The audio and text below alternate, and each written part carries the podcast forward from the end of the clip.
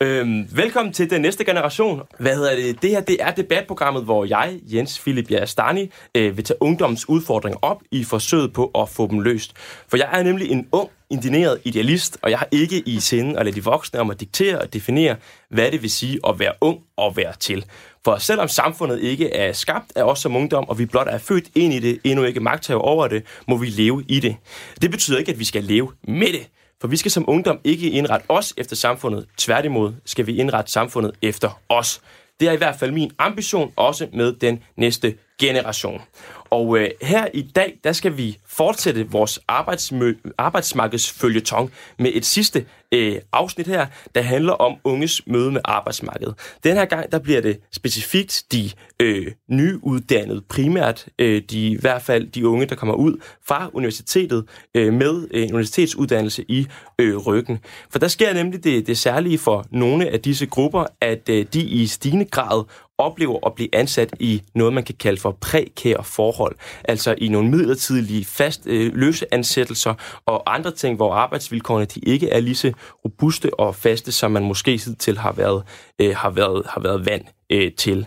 Og det er det, vi skal snakke om. Hvad er det for en oplevelse? Hvad er det for en situation? Hvad er det for nogle vilkår, som unge nyuddannede fra universiteterne de øh, møder, når de kommer ud på, på arbejdsmarkedet? Som sagt, som afslutning og led i den her følgetong om øh, unges øh, første møde med arbejdsmarkedet. Og øh, med til at diskutere det øh, i dag, øh, der har vi dig, Camilla Gregersen. Øh, du er formand i Dansk Magisterforening og repræsenterer hvem? Både naturvidenskabelige, humanistiske og samfundsvidenskabelige kandidater og bachelorer, som har en universitetsuddannelse bag sig. Fornemt. Og så har vi Mette Lykke Nielsen fra Aalborg Universitet Center for Ungdomsforskning, mm-hmm. som forsker i netop unge og nye arbejdsformer. Ja, præcis. Yes. Mm. Og øh, så har vi også øh, Mie øh, Danielsen, øh, som selv er, øh, var i hvert fald nyuddannet og i gennem flere år var, var løst ansat. Velkommen til, til alle jer øh, tre. Tak. tak. Senere der får vi også besøg af øh, Peter Halkær fra Dansk øh, Erhverv. Øhm, og, øh, og I kan som lytter også blande jer øh, i programmet, i debatten, ved at skrive ind på 1424 med teksten R4 og så et mellemrum. Øh, det kan I blandt andet gøre, hvis I selv har oplevet at være ansat på en midlertidig øh, kontrakt og har nogle holdninger til, hvordan øh, det var. Men måske også, hvis I sidder på arbejdsgiversiden og øh, ansætter nogle af jeres ansatte øh, løst. Øh, men nu øh, til det. Øh, jeg vil godt starte med dig, øh, Mie. Kan du ikke fortælle mig, hvad der skete, da du blev færdig på universitetet, og måske også, hvad du, hvad du læste i det hele taget? Jo, altså øh, jeg blev færdig i 2015 med en øh, magistergrad i øh, nordisk sprog og litteratur, øhm, øh, og er sådan en af dem, der har både en bachelor og en, øh, og en kandidat i næsten det samme. Øh, og øh, da jeg blev færdig der efteråret 15, så øh, var det ikke fordi, det sådan øh, væltede ind med arbejdstilbud, så jeg gik ledig i nogle måneder, øh, men var så heldigvis igennem et frivilligt arbejde så heldig og øh, at lande en øh, midlertidig ansættelse ved øh, igennem Aarhus 2017. Øh, det var i forberedelserne til Kulturhovedstadsåret, og øh, der var en øh, børnelitteraturfestival, der skulle planlægges. Og det havde jeg heldigvis noget erfaring med, så jeg fik en øh, halvanden års ansættelse der.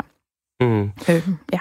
Hvad, altså, det, det lyder da meget som en, en fin start på arbejdsmarkedet i virkeligheden, at komme ud og så kunne, kunne få lov til at være halvanden sted derovre. Hvad skete der, hvad skete der med det? Ja, men altså, øh, for det første, så var den jo kun øh, halvanden år, øh, og for det andet, så var den kun deltid, og for det tredje, så var den kun honorarlønnet, øh, hvilket betød, at jeg øh, selv skulle angive øh, skat til skat, og jeg skulle selv øh, lægge penge fra til pension, jeg skulle selv lægge penge fra til ferie og den slags. Øh, og det er jo ikke, fordi der egentlig er noget i vejen med det, men sådan som det første møde med arbejdsmarkedet, så var det sådan lidt, åh, øh, hvad gør man det? Så jeg var måske, tog måske lidt nogle dumme valg, og fik ikke rigtig lagt så mange penge penge til side. Øhm, og, øh, og, og min tilknytning til den her arbejdsplads var også sådan lidt løs. I starten, der havde jeg ikke en, øh, en, jeg havde ikke en kontorplads der, hvor jeg var. Øhm, men kom ned til møder en gang imellem, og så måtte jeg ellers selv øh, bidrage med computer, og jeg måtte selv bidrage med det ene og det andet. Øhm, så jeg følte mig enormt distanceret fra arbejdet i lang tid, øh, mm. og fra jobbet og fra, fra de kollegaer, som jeg aldrig rigtig fik et forhold til. Øhm, og, og det betød så også, da, da stillingen så øh, var færdig, så var den også bare det. Altså, så holdt jeg op mere eller mindre fra den ene dag til den anden, og øh, øh, så skete der ikke rigtig mere. Altså det netværk, som jeg tænker, der er mange, som opbygger igennem deres første arbejde, det fik jeg ikke rigtig bygget op her, øh, fordi jeg kun var sådan løst tilknyttet til det her arbejde. hvad hedder det. Øh, jeg tænker, der måske er nogen derude også, der tænker, altså, Øh er det ikke meget fair i ens første stilling, at det er sådan lidt, øh, lidt, lidt loose, og at man ligesom skal have fået ind på arbejdsmarkedet, og at det ligesom ikke bare er en, en fast stilling, hvor man kan være resten af sit liv, man starter med? Øhm, jo, altså som sådan, så har jeg ikke rigtig noget, noget imod tidshorisonten. Altså i, i det, det, jeg tænker i forhold til det her første arbejde, det var netop den her meget øh, bløse tilknytning til selve arbejdsopgaverne. Øh, og at jeg øh, nærmest sådan skulle tjekke og bede mig til at få en, øh, en fast arbejdsplads nede på, på dokken, hvor vi sad på i Aarhus på det tidspunkt. Øhm, og at jeg øh, netop selv skulle levere øh, arbejdsværktøjerne og sådan noget. Mm. Øhm, det, synes, altså, det, var, det var egentlig det, der var øh, ved den første ansættelse her. Og så også, altså, øh, hvad kan man sige, altså, man får jo heller ikke måske den sparring, eller altså, den støtte, som man jo også har brug for øh, i, i sit første job. Ikke? Altså, Øhm, fordi man kommer godt nok med en helt lang uddannelse bag sig, og man ved en hel masse ting og sådan noget, ikke? men med det der med at omsætte det til praksis, det, øh, det, det sker jo ikke i et vakuum. Det bliver man jo nødt til at have noget støtte til. Mm. Øhm, og, og der var i hvert fald lang tid, fordi det var så løst, at jeg ikke øh, fik fik det. Jeg ikke følte, jeg fik det i hvert fald. Og var ret usikker på, om jeg overhovedet leverede noget, der var godt, og altså, øh, der var ret mange usikkerheder forbundet med det. Og så er der jo også det, det spørgsmål, som, som jeg i hvert fald også synes er noget af det, der øh, er det vilde ved den her situation, som, som, som mange øh, af, af jer, der kommer ud øh, som nyuddannet fra universitetet, øh, står i, at, at det ikke bare er den første ansættelse, fordi hvad var det, der skete efter den her ansættelse? Øh, og også hvad der skete sidenhen? Det er nogle år siden nu. Ja, det er nemlig nogle år siden. Øh, jeg, så gik jeg ledig i, i lang tid faktisk. Øh, jeg havde jo lidt håbet på, at øh, nu, nu, nu skulle jeg lande den faste, eller i hvert fald en, der varede et par år. Øh, og gerne i kommunal regi, og øh, havde de helt store ambitioner. Øh, men det skete ikke rigtigt, og, øh, og, og, og derfor så var jeg, jeg var ledig et stykke tid, og så landede jeg så et, øh, et løntilskud øh, på, på Kvindemuseet. Også i Aarhus, øh, og øh, som jeg også har været rigtig glad for. Men der er, gælder jo lidt de samme øh, ting, og plus at det er et løntilskud, så man er jo stadigvæk i beskæftigelsessystemet. Udover det. Mm. Øh, så udover at man leverer øh, op til 37 timers arbejde, så har man også jobsøgning ved siden af, og møderne med A-kassen, og de der ting, som jo øh, er med til at, hvad kan man sige, fastholde en i en position, som heller ikke er særlig gunstig. Mm. Og, øhm, og, og der så også sket det, at for to år siden udløb den stilling. Øh, ja, så det gjorde i, i dag er du faktisk arbejdsløs? Øh, ja, det er jeg. Altså, glædelig nyhed, så skal jeg til jobsamtale her i eftermiddag. Ja, tillykke. Øh, ja, tak. Øh, og håber på, at det bliver til noget. Er det så i en fast eller midlertidig stilling? Øh, det er en fast, men det er inden for noget helt andet. Øh, for det er jo så en anden del af det her. Ikke? Man har jo ikke råd til at, at, at blive ved med at, at være i systemet og at tage de her midlertidige ansættelser. Så jeg har øh, valgt at søge stillinger som øh, handicapmedhjælper. Okay. Ja, det er godt. Det er selvfølgelig noget andet, end det du er uddannet øhm, ja. til. Øh, hvad hedder det? Øh, Mette Lykke Nielsen, øh, som du forsker jo øh, i Center for Ungdomsforskning op på Aalborg Universitet. Mm. Den historie, som Mie fortæller øh, her, at, at det ligesom en, som du sådan kan, kan genkende fra din forskning, den her form for, for ansættelse for, for fortrinsvis unge mennesker? Mm, det kan jeg godt.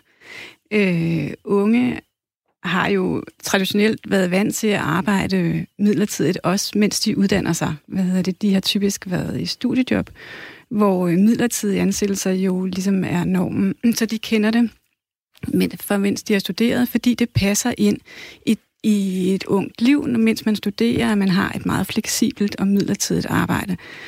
Når man så bliver færdig, så er forventningen typisk, eller idealet jo stadigvæk, blandt øh, de unge, der har lange videregående uddannelser i hvert fald, at de skal have et fast fuldtidsjob. Det ser vi i hvert fald på de nyeste tal, at det er 50, at det er i hvert fald det, det er primært dem, som ønsker fastansættelse. Øh, og der, hvor det midlertidige job tidligere var ligesom sådan en stepping stone, og man havde sådan en tredje sten ind på et arbejdsmarked, som var midlertidigt og som sluttede på et tidspunkt, så kan vi se, at det for denne her gruppe øh, formodentlig eller måske kommer til at fortsætte længere, længere ind i arbejdslivet, end det traditionelt har været. Ikke? Mm. Så det er ligesom er blevet nogle, nogle, nogle vilkår, som man i virkeligheden, altså som, som, som man kan se frem til i længere tid, og måske i virkeligheden ja, så det ikke hele en... ens arbejdsliv, var jeg lige ved at sige, som, som nyuddannet i dag. Ja, så det ikke bliver en stepping stone, men så det bliver, at man træder fra sten til sten ind igennem hele sit arbejdsliv, også ind i, i voksendommen, ikke? Jo.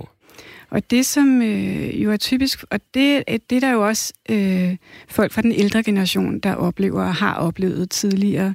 Men det, der er særligt for Mie, det er, at hun kommer ud og skal etablere sig på et arbejdsmarked. Hun har en, en faglig stolthed og identitet knyttet til det, hun laver øh, inden for kulturområdet.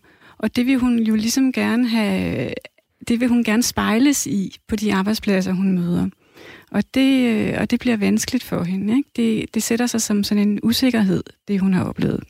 Har, har, har Mette ret i det, Mie? Øh, helt sikkert. Altså, øh, man, øh, i forhold til, til både ens egen, altså min forståelse af mig selv, øh, og også i den måde, jeg ligesom møder verden på, så, øh, så er jeg da helt i tvivl om sådan, når man, du ved, når jeg er jo bare en af de der humanister, som mm, jeg kan måske egentlig ikke så meget, og øh, det ene og det andet. Ikke? Altså det, ja, det er helt sikkert sat sig i mig øh, sådan, øh, som en lille identitetskrise. Ikke? Mm. Det har det. Øhm, en af de der humanister og sådan noget, det er jo dem, som du repræsenterer, Camilla øh, Gregersen. Øhm, jeg ved ikke, om Miel konkret er, er medlem, men, men er det noget, I generelt også oplever blandt, blandt jeres medlemmer, også de yngre af slagsen, at den her udfordring, den ligesom er noget, som, som ikke er særlig nice stå med, når man går ud på arbejdsmarkedet? Ja, men det gælder jo ikke kun for humanister. Det gælder for øh, nogle bestemte brancher, vil jeg sige. Og det er jo så faktisk uanset, om man kommer med en naturvidenskabelig eller en humanistisk baggrund, så er der inden for nogle områder blevet nogle mere usikre vilkår. Og det er dem, jeg synes, vi skal adressere, hvor vi kan se, at der er en slagside, hvor det ofte faktisk er øh, unge, der kommer ind, men der er også en kønsslagside i det her, øh, med at det i højere grad er kvinderne, der bliver ramt, hvilket jo har nogle udfordringer i forhold til, øh, altså rent når man planlægger måske, at man skal have et barn, øh, hvor du så ikke har den ansættelsessikkerhed. Og derfor er vi meget opmærksomme på det her skred, som der sker inden for nogle brancher, hvor der altså er en vækst i midlertidige stillinger. Mm. Og det synes vi er, er problematisk, fordi vi har faktisk en, synes jeg, en, en forpligtelse til at sikre os, at der er gode ansættelsesvilkår over det hele. Mm. Øhm, og hvad hedder det? Noget af det du, det, du siger i forhold til sådan udvikling, det spurgte vi også en anden forsker om, der hedder Trine Pernille Larsen, som er lektor ved KU på øh, ved sociologi, øhm, og som øh, har forsket kvantitativt i, hvordan arbejdsmarkedet har udviklet sig i forhold til det. Jeg vil gerne lige spille et, et klip med, hvordan hun øh, hvad hedder det, beskriver udviklingen på arbejdsmarkedet i forhold til det her prekarisering, i forhold til, til løse og, og atypiske ansættelser. Det kommer lige her.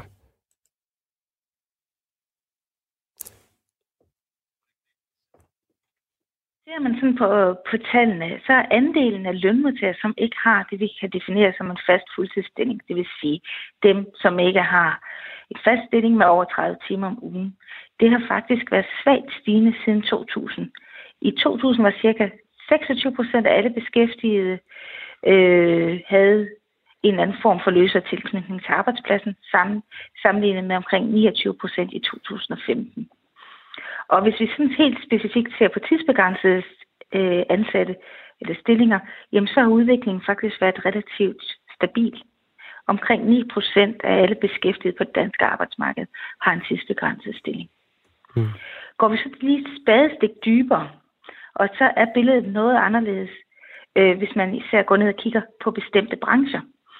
Og der kan vi faktisk se, at sådan noget som de her tidsbegrænsede stillinger, det er markant højere inden for for eksempel den kreative industri, uddannelsessektoren og sundhedssektoren. Det ligger i hvert fald højere end de tal, der ligger for det generelle arbejdsmarked. Omkring 13 procent af de beskæftigede inden for den kreative industri og uddannelsessektoren har øh, en tidsbegrænset stilling.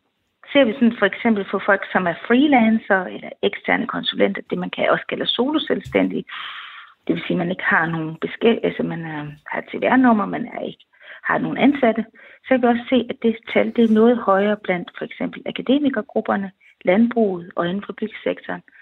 Og omkring øh, 5 procent af de beskæftigede på det danske arbejdsmarked er soloselvstændige. Men hvis man ser på nogle af akademikergrupperne, så er tallet faktisk 17 procent her i 2015. Så det jeg egentlig bare vil sige, det var, at selvom man på overfladen kan se, at der har været en relativ stabilitet, så er der nogle bevægelser i gang, under overfladen, når vi går ned og kigger på nogle bestemte brancher og på nogle bestemte grupper.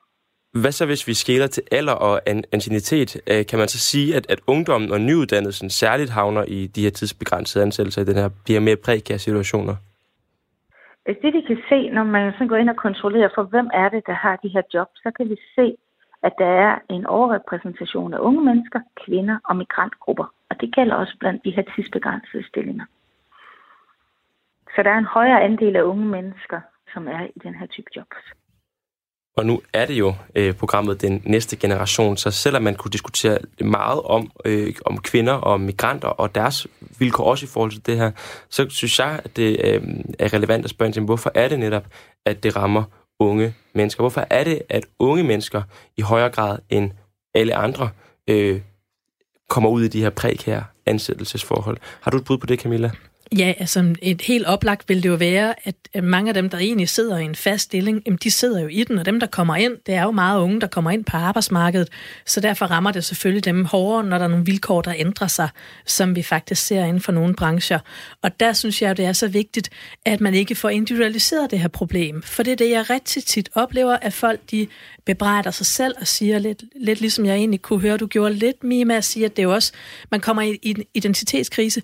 Det kan jeg sgu godt forstå, for lige at sige, mm. fordi det er rigtig, rigtig hæftig situation at være i, men det er jo ikke nødvendigvis, fordi du har gjort noget forkert, eller ikke har en tilstrækkelig faglighed eller noget.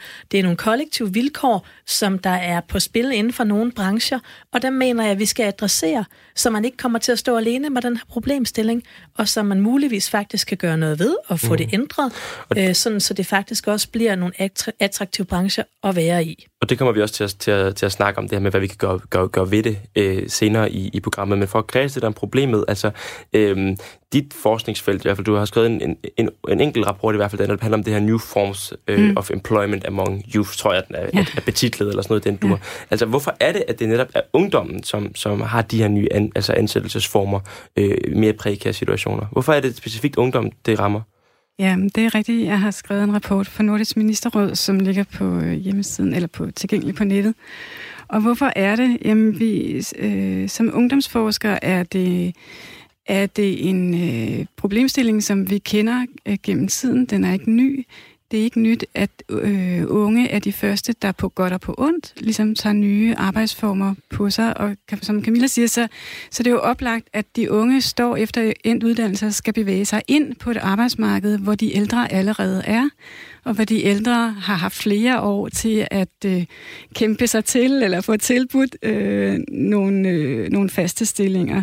Og tidligere, og da den ældre generation skulle ind på arbejdsmarkedet, var der flere faste stillinger mm. for dem at få. Øh, så det er, det er, øh, det, er, som, det, er, det er det, der er svaret. For nogen kan det også måske for få være attraktivt at kunne bevæge sig rundt på et arbejdsmarked, hvis, hvis det er en mulighed for at få skabe øh, få erfaring eller skabe netværk øh, eller finde ud af, hvor man gerne vil være på arbejdsmarkedet. Det har typisk i hvert fald tidligere været det, der har været attraktivt for unge. Men når det ikke bliver et, et valg, når det bliver noget, man øh, er nødsaget til, er det, er det ikke sikkert, at det er det, der er forklaringen. Nej, det spurgte vi faktisk også, hvad hedder det, øh, øh, Trine øh, Pernille Larsen øh, fra, fra, fra KU om, det der med valgfriheden i det. Jeg vil godt lige spille et klip mere med hende. Kan du sige noget om, hvor, hvor, hvor mange af de folk, der arbejder i, i de her øh, mere prækære forhold, der gør det altså frivilligt, som, som har vælger det, og mange, der ufrivilligt er, er, er fanget i en, i en tidsbegrænset ansættelse? Det man kan se, det er, at der er meget stor forskel alt efter, hvad det er for en type af beskæftigelsesform folk har.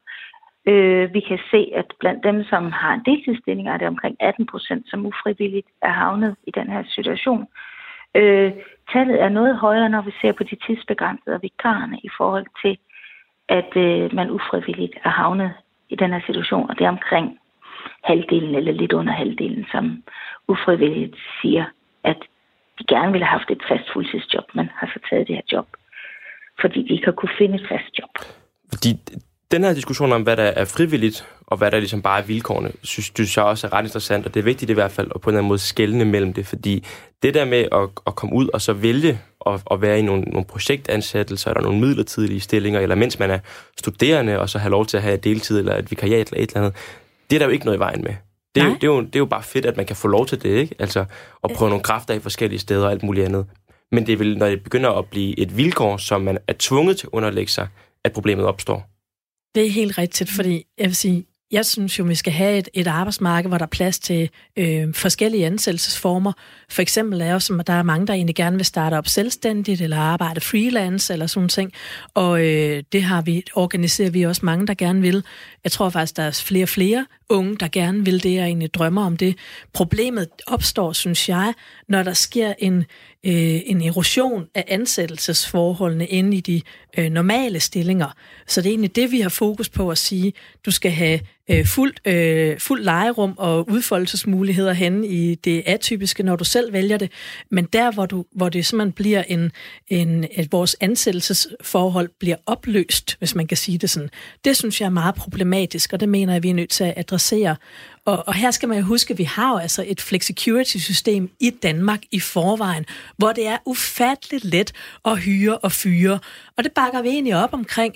Men øh, det er klart, at hvis der så kommer ved siden af det, at du så oven i det kun er ansat nærmest et halvt år ad gangen, og ikke har noget sikkerhed oven i det, så har vi jo sat hele funktionærloven ud at spille, og øh, egentlig vores øh, generelle fundament for, hvordan vores arbejdsmarkedsmodel er. Mm. mm. Hvad hedder det, øh, Mie? Hvad, hvad, hvad tænker du, altså de ansættelser, du har siddet i og været, og, og, og været løse, har det været valgfrit? Har det været en, en når du havde lyst til, noget, der synes du så som en fordel, eller var det mere noget, du, du blev nødt til, fordi der ikke var andet? Nej, øh, for mit vedkommende, så er det 100% været noget, jeg har været nødt til. Øh, jeg, øh, apropos det der med at være, øh, at være ung kvinde og, øh, og, og skulle til at starte familie, så har jeg jo også et lille barn. Øh, og jeg vil utrolig gerne øh, kunne levere den stabilitet, som sådan et, et fast job øh, vil give både mig og hende. Og måske også i forhold til, hvordan vi kan øh, tage nogle andre voksne beslutninger, som at øh, købe et hus, eller flytte, eller et eller andet. Altså, den frihed, den har man jo heller ikke, når man netop hele tiden sådan, men jeg ved ikke, hvad jeg laver om et halvt år. Jeg skal sørge for at lige passe på mine penge. Jeg skal sørge for, at, at jeg har dagpenge nok til, når jeg engang er færdig, og det ene og det andet. Ikke? Altså, øh, der er nogle, der, der, man har hele tiden sådan øje for fremtiden, og det er en af de, sådan, de mest stressende faktorer i de der midlertidige ansættelser, tænker jeg. Mm. At man ikke har, man har ikke sådan, man har ikke det der rum til ligesom at kunne koncentrere sig udelukkende om det, man laver lige nu. Der er hele tiden sådan en, og oh, man lige om lidt, så skal jeg noget andet. Øhm, og det har jeg i hvert fald oplevet som værende sådan lidt handlingslammende på både personligt niveau, men også sådan i, i, i den måde, jeg arbejder på. Ja, fordi man er vel på en eller anden måde sat, sat bagud i forhold til at kunne komme i gang med at etablere også et voksenliv. Altså man er på en eller anden måde tvunget til at blive lidt i ungdommen på en eller anden måde, fordi man netop ikke kan få lov til at, at, at købe... Du kan ikke tage et lån i banken, hvis ikke du har en fast kontrakt, vel? Nej, du kan ikke, du kan ikke... Altså, alle de her ting, som, som også ligger i etableringen af, af, af voksenlivet og indgangen i det, bliver ligesom bare sådan forskudt på en eller anden måde, virker det som om. Ja, altså det, det er i hvert fald sådan, som, som, som jeg har oplevet det sammen med min partner, at, øh, at, at, at vi er på ingen måde i stand til at, øh, at gøre det samme som nogle af vores jævnaldrende, som har været heldige at lande faste stillinger. Øhm, og, og, og nu er jeg i slutningen af 20'erne, og han er i starten af 30'erne. Altså man tænker, at på et eller andet tidspunkt, så kunne det jo være fedt, hvis man ikke behøvede at leve, som om man var 21 mere, ikke? Jo, Lige nu er jeg meget glad for at leve, som om jeg er 21 til gengæld. Jeg er også 21 år gammel. Men, men, ja, det forstår jeg godt. Men, ja, øh, men det, det kunne ja. være, at jeg at dag synes, det var fedt at have en kontrakt, som løb, øh, som, som ikke bare ligesom stoppede med en måned eller et eller andet. Altså, ja. øh, og, og, det tror jeg i hvert fald godt, jeg, jeg, jeg kunne forestille mig, ville blive dejligt i, i, i fremtiden. Og mm. forhåbentlig, at det, det bliver muligt også at få det også, selvom man ikke læser, øh, læser til sygeplejerske, som vi snakkede om sidste uge med, med hvad hedder det, øh, med, med nyuddannede sygeplejersker, der på arbejdsmarkedet. Det er vildt interessant, fordi der er jo stort set 100% jobsikkerhed, jo, hvis du er uddannet sygeplejerske. Mm så er det så bare, hvad for nogle arbejdsvilkår, der kommer ud til. Og det ja. var det, vi snakkede om sidste uge, at de så var så hårde, at der var mange, der ikke kunne holde til øh, faktisk at, at, at beholde det job. Altså fordi, at man simpelthen gik ned med stress, eller videreuddannede sig, eller øh, blev nødt til at gå på deltid, ikke? Altså fordi det simpelthen var så hårde øh, forhold. Men jeg kan ikke lade være med altså, at tænke, at, at vi så bare blevet røvrendt som generation? Altså, er, er, er vi bare en, en generation af, af røvrende øh, folk, øh, som, som uanset om vi uddanner os højt eller lavt, eller i midten, eller hvor vi går hen, altså så, så er der enten usikre job, eller også så er der job, hvor at, at, at vilkårene er så, så dårlige, at man heller ikke har lyst til at være der. Altså, er, er vi fucked, eller hvad? I er i hvert fald en generation, som har uddannet jer rigtig meget, og som har øh, i hvert fald generelt øh, forsøgt at præstere optimalt, og jo i sådan en grad, som man taler om en generation, som er presset, og har været presset gennem deres uddannelsesforløb, under, øh, mens de har uddannet sig. Så det er klart, at jeg har nogle forventninger om, og det ser vi også øh, som ungdomsforskere, at den generation, der kommer ud på arbejdsmarkedet, jo har nogle forventninger om, at øh, nu, skal, nu skal det komme til at betale sig, den uddannelse, de har taget. Som ungdomsforskere har vi har vi været meget optaget af øh, det begreb, der hedder employability. Employability har gennem mange år øh, spillet en meget stor rolle i uddannelsessektoren, og også på universiteterne, i forhold til idealet om, at vi skulle uddanne unge til det arbejdsmarked, der ventede dem. Og, så det, og de unge, vi ser på uddannelserne, er, er meget orienteret mod arbejdsmarkedet og uddanner sig til arbejdsmarkedet. På godt og på ondt, fordi når de så står på et arbejdsmarked, efter så mange års uddannelse, og de, og de, de, er, de job, der møder dem, jo ikke helt lever op til forventningerne, så er det klart, at der, der kommer en skuffelse og nogle forventninger, de ikke kan få opfyldt. Ikke? Mm. Vi ser også... Hvad Men er det, bare, ja. er, det, er det vilkårene? Øh, det er i hvert fald den situation, som unge med lange videregående uddannelser jo har lige i øjeblikket. Mm. En del af dem, ikke? Men så lad os, lad os hvad hedder, passende gå videre til så snakke om, om vi har brug for øh, handling. Du lytter til den næste generation med Jens Fitte Bastani. Og øh, nu har vi også fået Peter Halkær, arbejdsmarkedschef fra i Dansk Erhverv, med øh, på en telefonlinje. Hej Peter. Ja, hej. Kan du høre os? Jeg kan høre jer. Fantastisk, og vi kan i hvert fald også, øh, også, også høre dig. Vi har lige stået og snakket om det her med øh, nyuddannede unge øh, akademikere fortrinsvis, som kommer ud og har svært ved at finde øh, ordentlige fastansættelser, hvor at, at vilkårene øh, er, er, er, er gode, og hvor at, at stillingerne de er, er faste.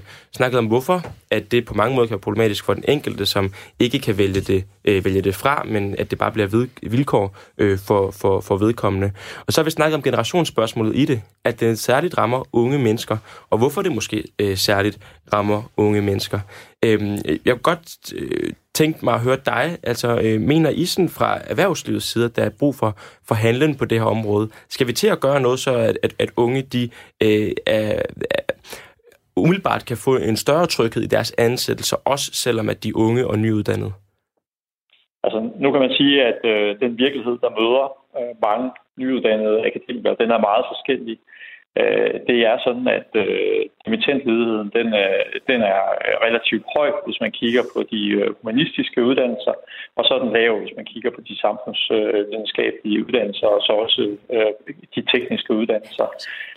Så det vil sige, at rigtig mange af dem, som har valgt måske som lidt konservativt i forhold til ligesom, og måske også har nogle interesser inden for nogle områder, som der er høj efterspørgsel på, jamen de glider øh, uden problemer øh, ud på, øh, på et arbejdsmarked, hvor der er gode jobmuligheder, øh, og hvor det sådan set er, er dem selv, der i høj grad vælger, hvordan deres, øh, deres karriere den skal, den skal tegne sig og se ud.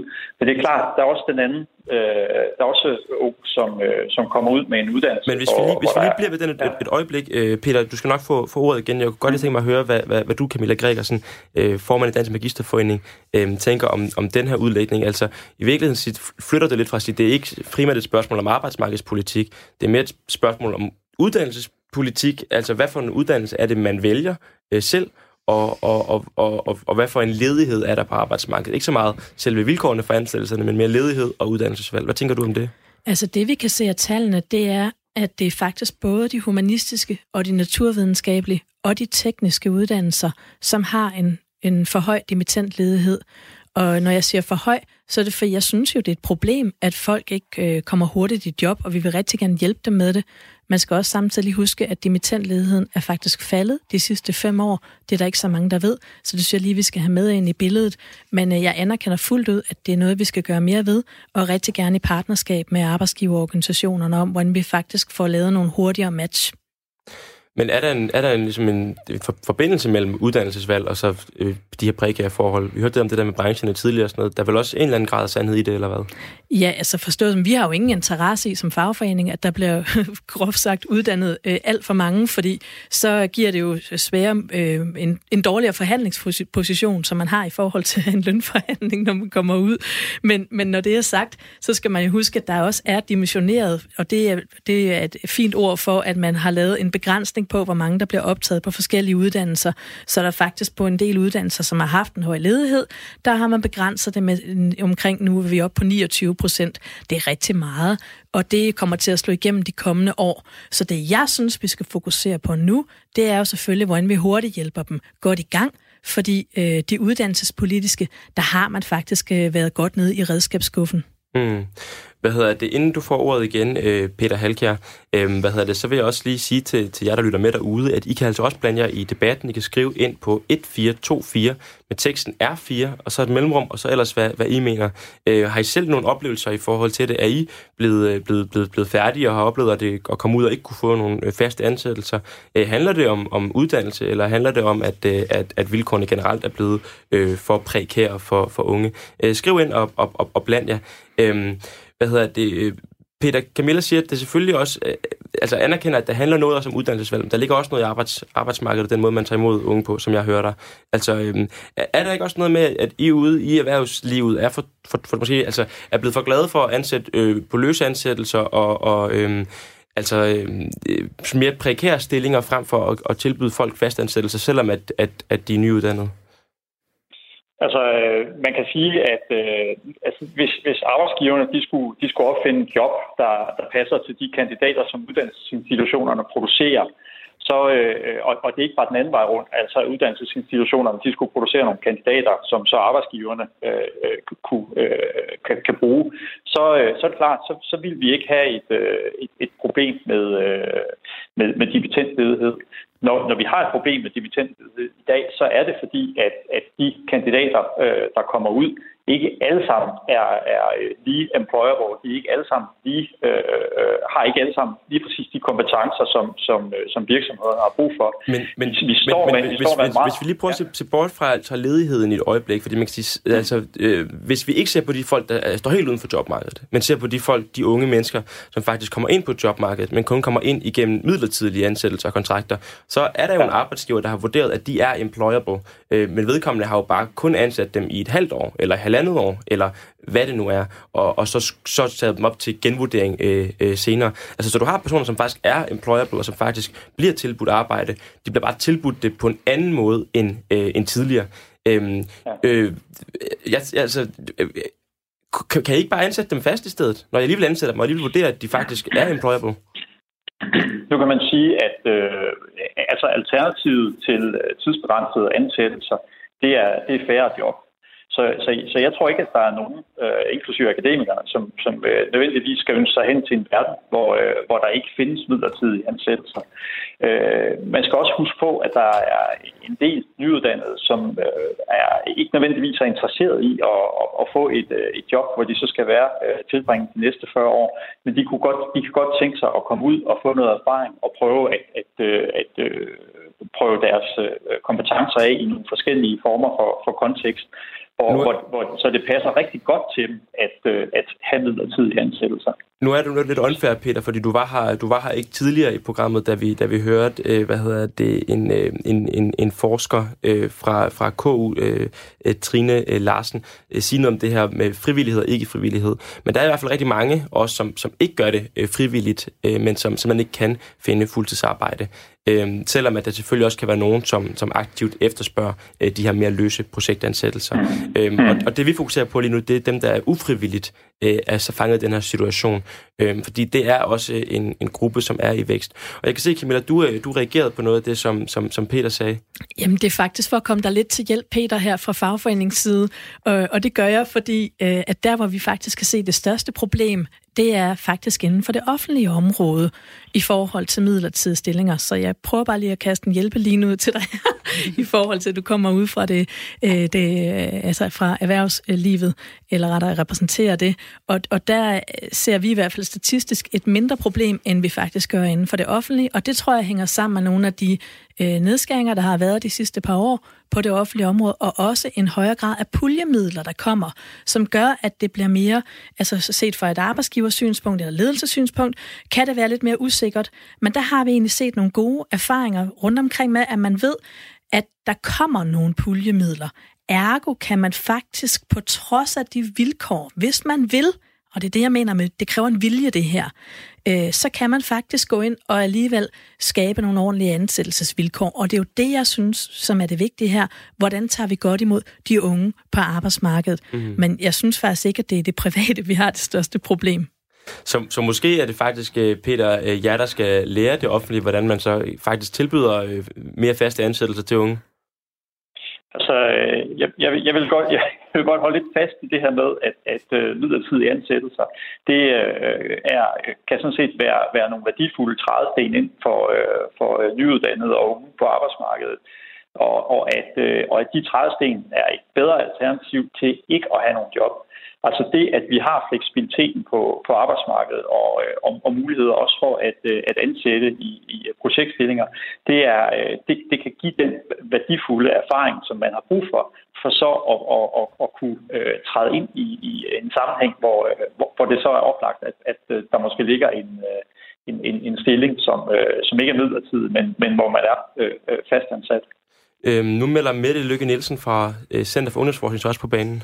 Ja, jeg vil bare fortælle om, at de unge, jeg har mødt i min forskning, som er i øh, atypiske arbejdsformer, der er der faktisk unge, som, som selv ønsker at være, øh, tage øh, arbejde som freelancer eller solo-selvstændig eller hente job øh, gennem digitale arbejdsplatforme i en, en, en periode, øh, hvor de har mulighed for, det, for at øh, udnytte den frihed og fleksibilitet. Men i det øjeblik, hvor de tænker på at etablere en familie og har behov for at planlægge mere langsigtet, så siger de faktisk ret samstemmende, at så bliver det vanskeligt at kunne fastholde den måde at arbejde på, for de har brug for at, øhm, at kunne planlægge langsigtet. Og det var også det forhold, som Mie sagde tidligere i, øh, i udsendelsen, at det er det, man ikke kan. Og det er det, man faktisk har brug for, når man er ung og er i gang med at etablere sig. Mm. Og ja, så er vi netop tilbage til, til, til, til, til dig, Mie. Øhm, altså, øh, mener du, vi har behov for en eller anden form for handling i forhold til den her udfordring? Øhm, ja, ud fra et personligt synspunkt, ja. Øh, det ville da være dejligt. Men øh, altså, Øh, ja, men jeg har svært ved at se, hvordan man kan løse det. Ikke? Altså, øh, fordi hvis der ikke kommer flere penge til, til, til de offentlige, øh, sekt, den offentlige sektor og kulturbranchen og lignende, så, så er det jo svært at se en vej ud, ikke? fordi det er jo øh, for den, øh, for eksempel for museumsbranchen, når man den, den, den drives jo af, af løntilskudder, øh, i hvert fald inden for, øh, for nogle parametre. Ikke? Øh, og og der, de har jo også en formidlingsopgave, som de skal løse, øh, og, og hvis de ikke har råd til at, at gøre det på andre måder, når man, så må det være på den her måde. Ikke? Mm. Så, så, så der er jo der er et eller andet, øh, og pengene skal jo nok komme et andet sted fra. Øh. Og det var også noget det, øh, Camilla var inde på i forhold til ja. den måde, man simpelthen finansierer de arbejdsgiver på i det offentlige, som så skal ud og ansætte folk simpelthen, øh, hvordan de bliver finansieret. Ja. Men hvad hedder det? Men lad os bruge det her som en overgang til at snakke om, hvad vi så kan gøre. Du siger, at det er et svært spørgsmål, det er ikke så entydigt, men lad os lige diskutere det de næste øh, kvarters øh, tid. Du lytter til den næste generation med Jens Philip Bastani. Fordi at, øh, at selvom at, øh, hvad hedder det, at nogen og dig, Peter, ikke mener, at det øh, nødvendigvis er et problem med de her øh, hvad hedder det, midlertidige øh, ansættelser, så kan vi i hvert fald blive enige om, at det er vigtigt, øh, tror jeg, uden at lægge ord i munden på nogen, at unge de får en ordentlig start på arbejdsmarkedet, hvor at, at de har nogle vilkår, som de mm. selv øh, hvad hedder det, kan se sig selv i, og, og nogle, nogle stillinger, der i hvert fald ikke gør, at man ligger mundt i maven og, og er utryg øh, i sit øh, job. Så, så, mm. så, øh, så hvordan kan vi sikre, at, at nyuddannede unge fra forholdsvis akademiske uddannelser også kan få, øh, kan få den her øh, form for, for, for, for tryghed, som øh, ens forældre øh, virker til nemmest at kunne have mere af, end, øh, end, end vi i dag kan? Altså, jeg vil godt byde ind med noget, hvis du ja, tillader det, Jens. Det kan du tro. Helt, helt altså, som sagt, så synes jeg, at der, hvor vi kan se øh, det største problem inden for det offentlige, der er man nødt til at kigge noget på, hvordan bevillinger falder. Det har jeg sagt. Jeg tror også godt, man kunne gå ind og sætte nogle konkrete måltal på, på vores arbejdsplads, hvordan vil vi egentlig gerne have, fordelingen skal være mellem de her forskellige øh, grupper. Og der tænker jeg jo selvfølgelig ikke på barselsvikariater, det kan alle jo se, der skal ind. Men man kan faktisk godt tage en snak om det på den enkelte arbejdsplads og sige, hvordan ser vores stillingssammensætning ud, og hvad gør det egentlig ved vores arbejdsmiljø, hvor man igen adresserer det kollektivt, for i det her, det kan jo ikke kun være en, eller det er ikke kun en udfordring for den enkelte, der kommer ind i en midlertidig stilling det er faktisk også kan være en udfordring for kollegerne i forhold til, at man skal tage sig af nogen, der kommer ind. Man investerer lidt af, af sig selv i hinanden, men på et tidspunkt, når det er den femte, der kommer ind i for eksempel en løntilskudsstilling, jamen så gør man simpelthen ikke det mere i samme grad. Mm. Og det er selvfølgelig hårdt for den enkelte, men det er også hårdt for de kolleger og påvirker arbejdsmiljøet. Så derfor synes jeg egentlig godt, at man kan sætte nogle måltal op. Mm. Og så vil jeg sige helt generelt, så er der et andet greb, man kunne kigge på, og det er lov om tidsbegrænset ansættelse. Mm. Den har man ikke kigget på i over 10 år. Og øh, det synes jeg faktisk godt, man kunne gøre, og sige, stram den måske lidt op, ved at sige, at man kunne øh, sige, når der man skal lave en øh, tidsbegrænset stilling, hvad er egentlig årsagen til det? Det kunne man godt skrive ind, for det tvinger til en refleksion omkring, hvad er egentlig karriereperspektivet her i, øh, i det videre forløb på den arbejdsplads. Så der er masser af greb, vi kan gøre, vil jeg bare sige, forudsat der er en vilje. Og jeg synes, vi skal have viljen, fordi det handler om at byde de unge godt velkommen på arbejdsmarkedet. Det var i hvert fald tre konkrete øh, tiltag. Hvad, hvad siger du, øh, Peter Alke? Nu har vi fået at vide, at, at også fra, øh, fra Camilla selv, at det er måske ikke din biks i virkeligheden, at udfordringen den er allerstørst. Men kunne der alligevel være nogle, nogle tiltag, som I, I kunne overveje at være med til at, at, at, at skabe? Den med finansiering, øh, som var den første, der måske ikke jeres bord. Men det med måltal, havde snakken ud på arbejdspladserne, I som arbejdsgiver også, øh, måske også med de ansatte selvfølgelig, og sige, hvad, hvor mange vil vi egentlig have ansat på, på de her midlertidige øh, kontrakter? Og, og også øh, om, om, om loven, skal den også ændres i forhold til at, og, og, og, og kræve mere begrundelse for, hvorfor man har midlertidige ansættelser? Mm. Øh, nu, øh, nu nævnte Camilla øh, det her med, med, med løntidskudsjob øh, og, og praktikker, øh, og det er jo sådan set øh, nogle hjælperedskaber, man har til, øh, til unge og i hele også andre grupper, som, øh, som har svært ved at øh, få fodfæste af sig selv på, øh, på arbejdsmarkedet. Det er, jo ikke, øh, det, det er jo ikke noget, som er en, en ansættelsesform i sig selv det, øh, det er noget, som øh, altså nogle særlige løftestænger, som man bruger til at hjælpe dem, som, som er lagt væk fra, fra arbejdsmarkedet. Så det, det skal man ikke blande sammen. I forhold til, til det her med at, at, at skærpe vilkårene for, for de tidsbegrænsede begrænsede ansættelser, der, øh, der, der, der tænker vi, at øh, igen, at, at øh, jo mere at man strammer op på, på, på de betingelser, øh, jo, jo færre øh, muligheder vil der være, jo færre trædesten af, af, af, af midlertidige ansættelser, som, øh, som også øh, nyuddannede akademikere kan bruge, vil, vil der være at, øh, at gøre godt med. Så, det, så der, der er jeg ikke vild med, at, at det bliver den retning. Jeg, jeg tror også, at man bliver nødt til at, at se i øjnene, at øh, vi altså stadigvæk har øh, en masse øh, unge, som, som, øh, som står med nogle kompetencer, som der øh, måske ikke er helt så meget brug for, som man kunne ønske sig øh, ude på, på arbejdsmarkedet. Og, og det, har en, det har en pris, det her ved, at hvis man forfølger en, en, en drøm om at arbejde med det, som man øh, brænder allermest for, og kun har den drøm, øh, Øh, så, så, øh, så har det nogle omkostninger, i, og det kan betyde en, en lavere jobsikkerhed. Det kan betyde, at det tager længere tid, før at man, man rigtig får fodfæstet på, på arbejdsmarkedet. Det er der gudskelov rigtig mange af, af de her unge, som så ender med alligevel, selvom at vejen til et, et, et, et, et, godt job og et sikkert job, øh, at, at den bliver længere. Øh, så, så hvad skal man sige, øh, det, det, det, det, det lykkes så også for nogen, men, men der tror jeg altså også, at, at, øh, at, øh, at Camilla hun kan, kan hjælpe til. Det måske også i, i de tilfælde, hvor, hvor der er øh, nogle nyuddannede, som måske lige præcis har klaret sig igennem uddannelsen, men faktisk ikke rigtig øh, måske har det fulde kompetenceniveau til at, at, at kunne, uh, kunne matche og, og, og klare sig i konkurrence men det, med, med de det andre handler, uddannede. Det handler vel også... Der, der, skal man, der skal man, der skal man øh, kunne rive plasteret af og så sige, prøv at du, du, du skal i en anden retning, og der er masser af jobmuligheder, men, men du bliver nødt til at slippe drømmen om, at, at du lige præcis kan beskæftige dig med det, du har, har læst og, og, og, og, og, og, og dygtiggjort dig til inden for de sidste fem år. På den, og på det, den måde er det i hvert fald godt, at vi har afskaffet bitter, uddannelsesloftet nu, så, så, du, så du siger, at hvis man er blevet færdiguddannet, så kan man i hvert fald nu få lov til at tage en ny uddannelse, altså, eller hvad? Fordi, øh, ja, eller, eller også så skal man se, hvilke genveje kan man tage, for man skal jo ikke nødvendigvis starte på en ny, langt videregående uddannelse. Det, det, det tror jeg vil, vil ødelægge rigtig meget for mange. Men handler det så ikke også om, at arbejdsgiverne har et ansvar for også at se potentialet i nyuddannede øh, dimittenter, øh, som, som, som øh, selvfølgelig ikke har den samme øh, erhvervserfaring og, og, og de samme kompetencer, som du har været på arbejdsmarkedet 10 år, men som måske har noget andet, eller som måske bare skal læres op og ind i de rutiner? Altså, virksomhederne, de står jo med den, med den, øh, med, i, den, i det udgangspunkt, at der er 60.000 job om året, som, som de ikke får besat, fordi der ikke er øh, kvalificerede ansøgere. Øh, det tal det vil være dobbelt så stort, hvis ikke at, at de øh, også øh, rigtig mange gange, når de ansætter, nyansætter, går på kompromis med de kompetencer, som, øh, som, øh, som de har brug for. Så, så arbejdsgiverne strækker sig langt øh, i forhold til også at, at, øh, at, at ansætte nogen, også selvom de måske ikke men, har men altså, en, det fulde jeg, erfaringsgrundlag. Jeg, jeg, jeg, jeg synes bare, at det, du, det lyder som om, at du siger, at vi skal som ungdom dels ændre lidt på os selv, Altså, vi skal dels tage nogle andre uddannelser lidt, og måske stille nogle andre krav og sådan noget. Og, og, og dels så skal vi faktisk være taknemmelige for det, arbejdsgiveren allerede gør. Ja, men, men altså, man, altså man kan sige, altså arbejdsgiveren, de, øh, de bliver jo nødt til, de kan jo ikke ansætte nogen, de ikke har brug for. De bliver nødt til at ansætte de bedst kvalificerede til de øh, ledige jobpositioner, øh, de har, hvis de skal klare sig i konkurrencen med, med, øh, med, med alle de andre virksomheder, som de øh, konkurrerer mod og, og forsøger at og, og, og, og klare sig imod. Så, så, så, så det er vilkårene at, at, øh, at man bliver nødt til at ansætte den, den bedste til jobbet, og at man bliver også nødt til at ansætte nogen, der har de kompetencer, som man har brug for.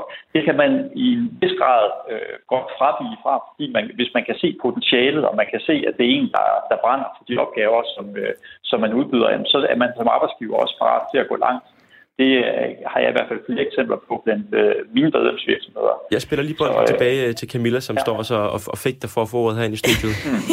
ja, fordi Peter, prøv, jeg siger jo ikke, at man skal ansætte nogen, man ikke har brug for. Det vil jo være helt på månen. Det gør man hverken i det offentlige eller i det private. Enten så er det bundlinjen, eller så er det budgettet, man kigger på, og sådan er det. Men jeg synes, du blander det lidt sammen her, fordi det er vi jo fuldstændig enige om.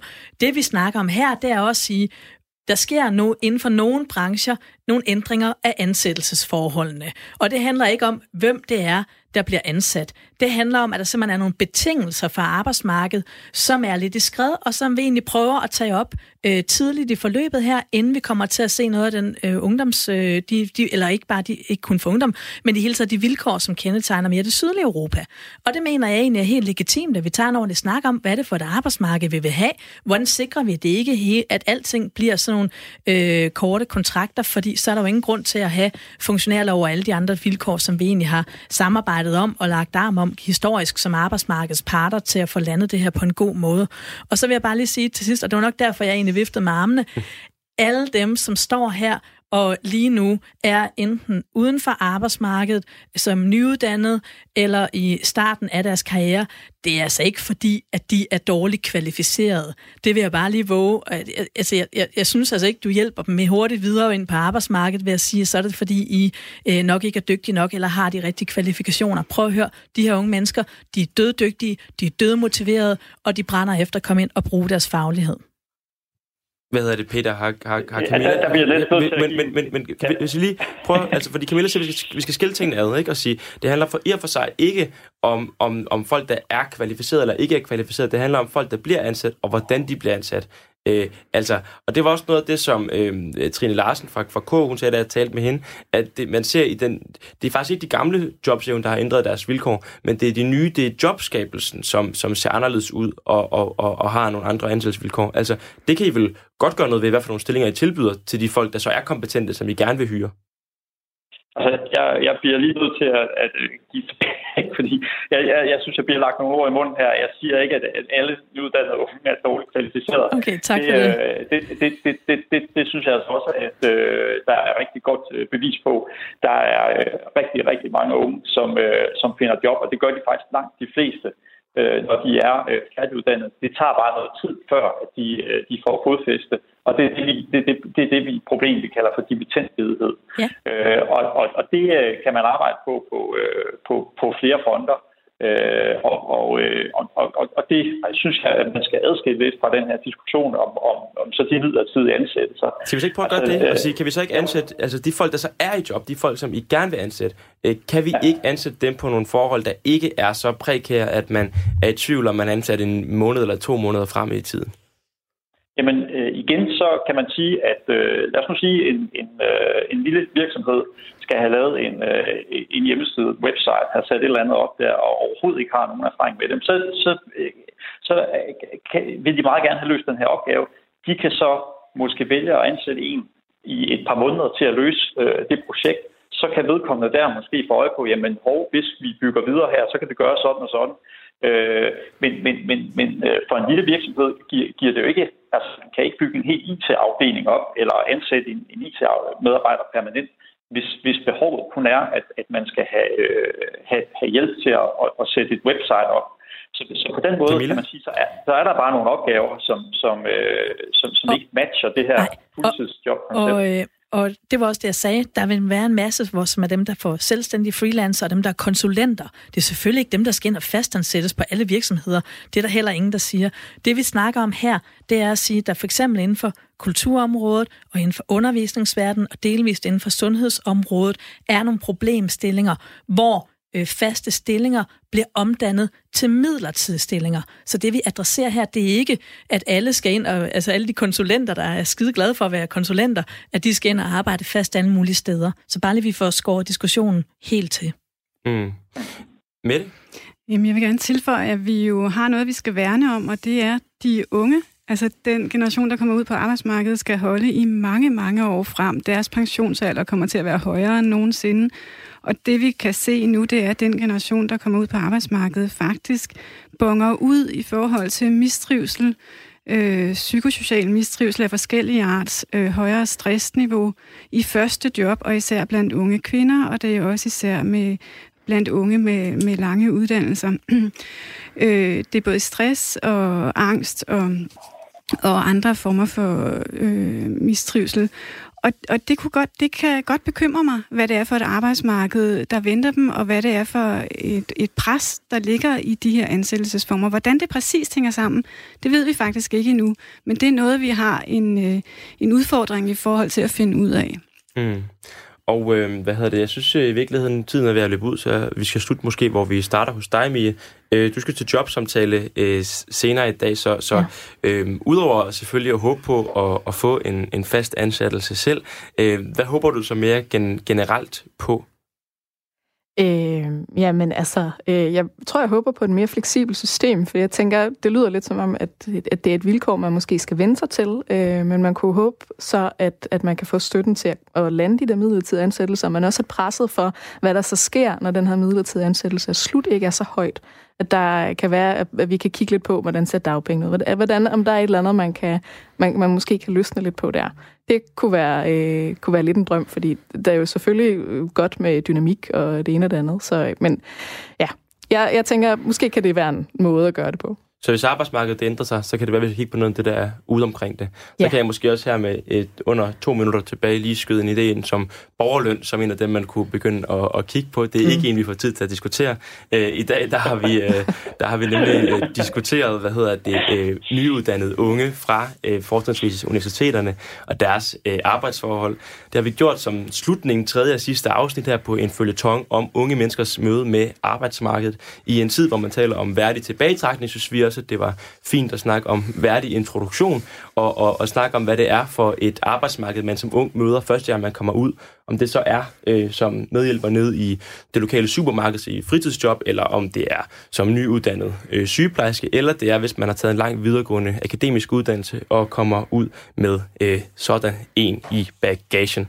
Jeg vil gerne sige tak til, til dagens øh, gæster, til dig, øh, Mie Danielsen, som øh, har været løst ansat igennem øh, nogle år, tak. og som skal til jobsamtale i dag. Tak. lykke med det. Øhm, også til dig, Peter Halkjær, arbejdsmarkedschef i Dansk Erhverv, som er med på en telefonlinje. Ja, og held og lykke til, til Mie. Tak. Skide godt.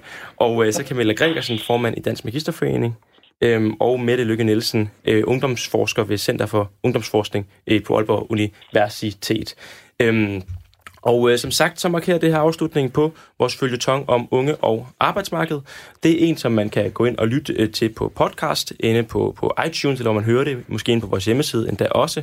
Øhm, og øh, derudover så er man jo velkommen til at skrive ind til os, øh, skrive ind til mig på ungsnabelagradio4.dk, øh, hvis man har nogle idéer til, hvad vi skal gøre anderledes i fremtiden. Måske nogle emner, vi skal øh, tage op, noget, der kunne være spændende, noget, der er underbelyst, noget, som øh, ungdommen bør kæmpe for, noget, vi bør kæmpe for, så er det i hvert fald helt afgjort noget, som øh, vi gerne vil, øh, vil se på. Fordi det her, det er den næste generation, debatprogrammet, hvor vi kæmper øh, for ungdommen, og øh, det vil vi blive ved med at gøre, også på næste tirsdag, og ellers så er der ikke andet for end at sige tusind tak for denne gang, og tak fordi I lyttede med.